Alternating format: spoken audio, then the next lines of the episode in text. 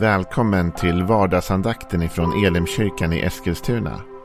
Det här är en podcast som kommer ut måndagar till fredagar. Om du vill veta mer om vilka vi är, vad vi tror på, hur du kan komma i kontakt med oss eller vad vi kan erbjuda dig för någonting så gå in på www.elimkyrkan.com. Får jättegärna gå in och likea vår Facebook-sida. Det är facebook.com elimeskilstuna. Eller så söker du upp oss på YouTube och då söker du på Elimkyrkan Eskilstuna. Vi vill jättegärna komma i kontakt med dig. Men nu lyssnar vi till dagens andakt. Välkommen till vardagsandakten och en ny vecka. Det är måndag idag och vi startar på nytt. Men eh, vi startar inte helt på nytt utan vi fortsätter på den, det spår som vi är inne på just nu. Vilket är att vi går igenom psalm 27 i Bibeln, Psaltaren 27. En psalm som David har skrivit. Och det är en ganska lång psalm så vi har valt att ta den lite styckvis och inte ta allting på en gång utan ta de olika sektionerna. Och den är ju skriven lite som sektionsvis liksom. Vilket är helt normalt eftersom det är ju en sång av något slag som David har skrivit. Då, då har man väl verser och brygger och refränger och allting. Vi ska läsa eh, faktiskt samma sjok kan man säga. Samma tre verser som vi läste förra veckan. Ska vi läsa även idag. För det finns en aspekt till av dem. Eh, om du inte har lyssnat på det vi sa förra veckan så är det inget problem. Du kommer få något nytt till dig idag som är fräscht för idag. Men om du har hängt med så fördjupas det lite grann. Psaltaren 27 och vi läser vers 4-6. Ett har jag begärt av Herren, detta söker jag. Att få bo i Herrens hus i alla mina livsdagar.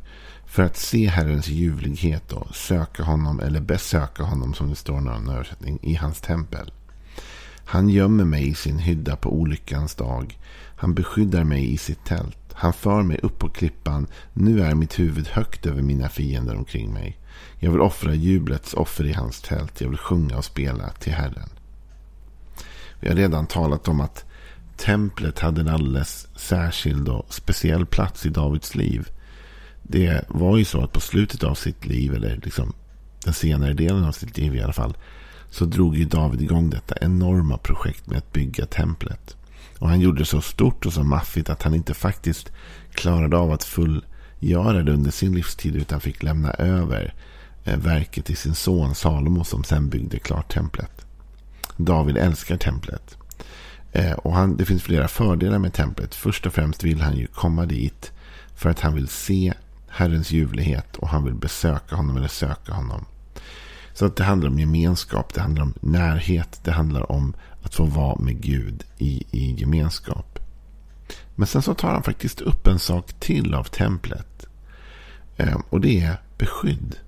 Han säger Han gömmer mig i sin hydda på olyckans dag. Han beskyddar mig i sitt tält. Han för mig upp på klippan. Nu är mitt huvud högt över mina fiender omkring mig. Det här handlar om beskydd. Och jag tror att det kanske var länge sedan vi hade egentligen så mycket, eh, vad säger man, anledning att tala om beskydd som nu. Vi lever ju i en tid då vi lever i en pandemi som går över hela världen.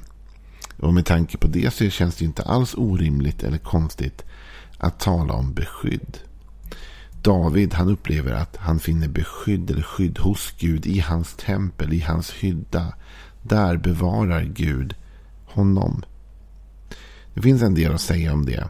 Menar David liksom bara den fysiska byggnaden, templet? Nej, det tror jag inte. Jag tror att David främst här menar relationen med Gud. Som ju då har sitt centrum såklart i templet för David. Det är relationen som beskyddar och bevarar. Det är närheten, vilket hela den här salmen handlar om, till Gud som ändå är ett beskydd för David. Han upplever att när han är nära Gud så gömmer Gud honom och beskyddar honom på olyckans dag. Han beskyddar honom i sitt tält och han för David upp på klippan så att han kommer över sina fiender. Ändå vill jag säga någonting om församlingen här. För nu i Nya Testamentet så är det klart att vi, många kyrkor har en byggnad att gå till. Men, och den är viktig. Jag har ju till och med förespråkat här för någon podd sedan att den är väldigt viktig. Men det är församlingen som kanske motsvarar ändå den här tempelkänslan i gamla testamentet. Liksom. Guds folket, församlingen. Och församlingen är ett beskydd.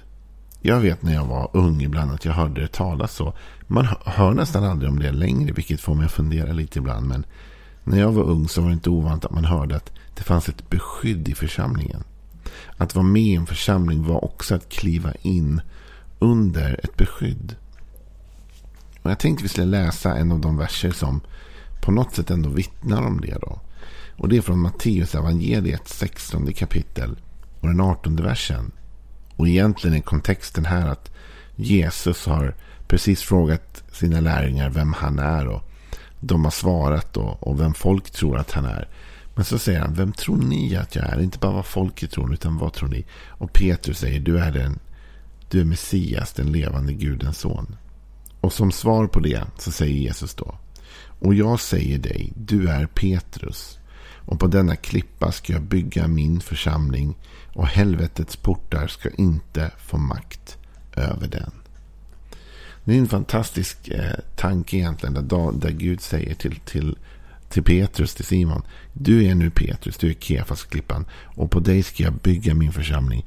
Och dödsriket, eller helvetet står det med den här översättningen. Helvetets portar ska aldrig få makt över församlingen. Och det innebär ju att om vi är i församlingen så är vi i det beskydd som Jesus här talar om, eller hur? För beskyddet i det här fallet vilar inte över enskilda människor. Jesus säger inte till Petrus, helvetets portar ska inte få makt över dig, utan över den, alltså församlingen som han skulle bygga på Petrus. Så när vi är del av församlingen, då går vi in i det beskydd som församlingen står under.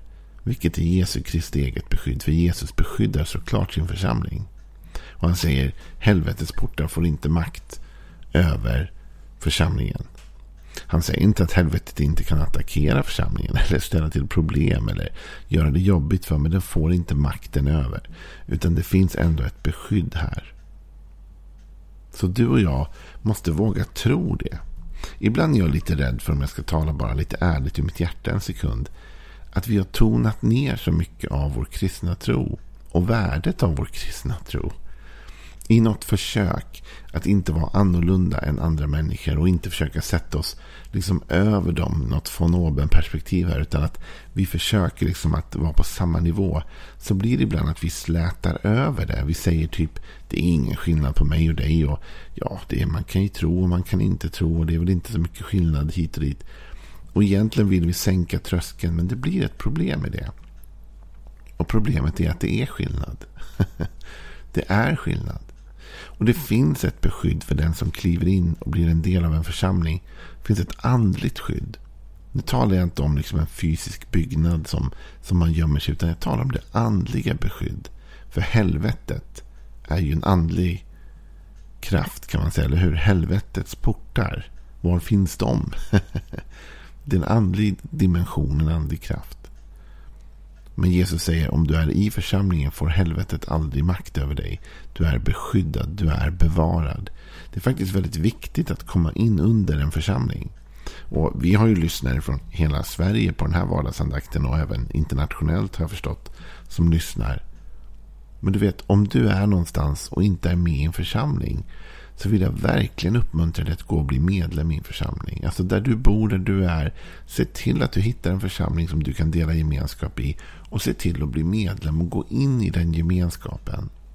Därför Jesus Kristus har ett beskydd över församlingen.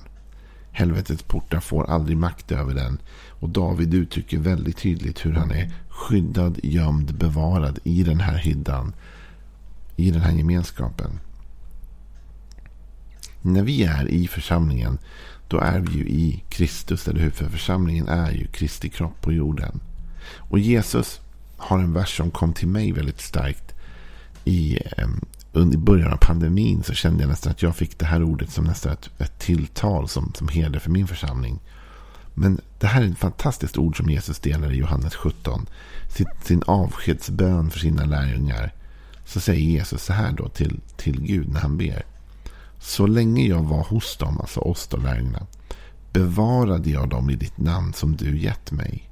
Jag vakade över dem och ingen av dem gick förlorad. Ingen utom fördärvets man för att skriften skulle uppfyllas.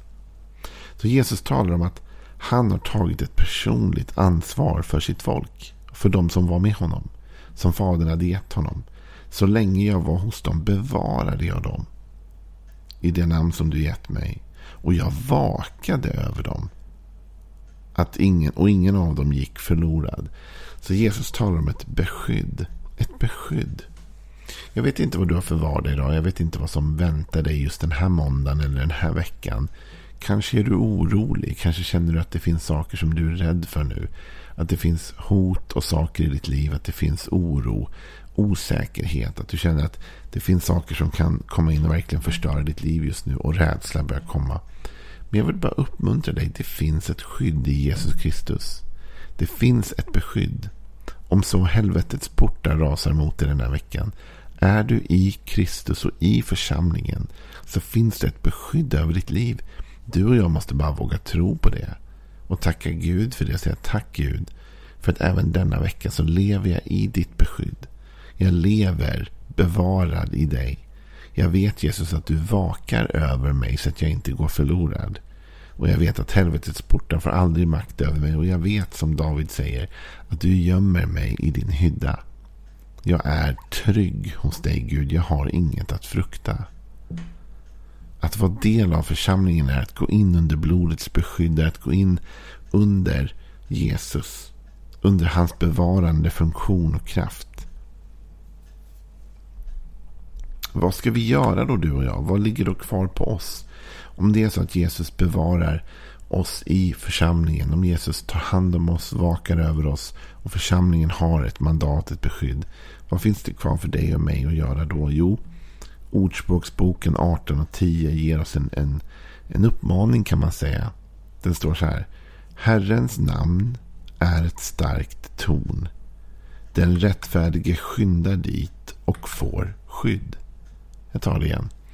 Herrens namn är ett starkt torn. Den rättfärdige skyndar dit och får skydd. Återigen talas det om skydd och det talas om ett starkt torn, ett starkt fäste. Va? Och det är Herrens namn, alltså Jesu namn. Men då står det, den rättfärdige skyndar dit och får skydd. Alltså det du och jag måste göra är ändå koppla oss samman. Bli en del av en lokal församling. Se till att vi är engagerade där. Se till att vi är verkligen med. Se till att vi verkligen går in under församlingens välsignelse och beskydd. Och där finns både välsignelse och frihet och kraft. Men det finns också detta beskydd. Om du är del av Guds församling kan inte djävulen göra vad han vill med dig. Om du tillhör Gud så är du Guds. Och då faller du under hans beskydd, hans bevarande, hans kraft. Det är en oerhörd sak att tänka på egentligen. Det är en oerhörd sak att bära i sitt hjärta. Jag tillhör församlingen. Jag står under församlingens beskydd. Och församlingen står ju under Jesu beskydd. Det är det det egentligen handlar om. Så jag skulle bara vilja uppmuntra dig idag den här måndagen. Se dig själv som del av den församling som Jesus själv bevarar. Se dig själv som trygg. Se dig själv innesluten och omsluten av Guds nåd och förbarmande och hans oerhörda kraft. Ska vi avsluta den här vardagsandakten med att igen läsa vad David skriver när han formulerar hur han känner för detta. Han säger om Gud att han gömmer mig i sin hydda på olyckans dag. Han beskyddar mig i sitt tält. Han för mig upp på klippan. Nu är mitt huvud högt över mina fiender omkring mig.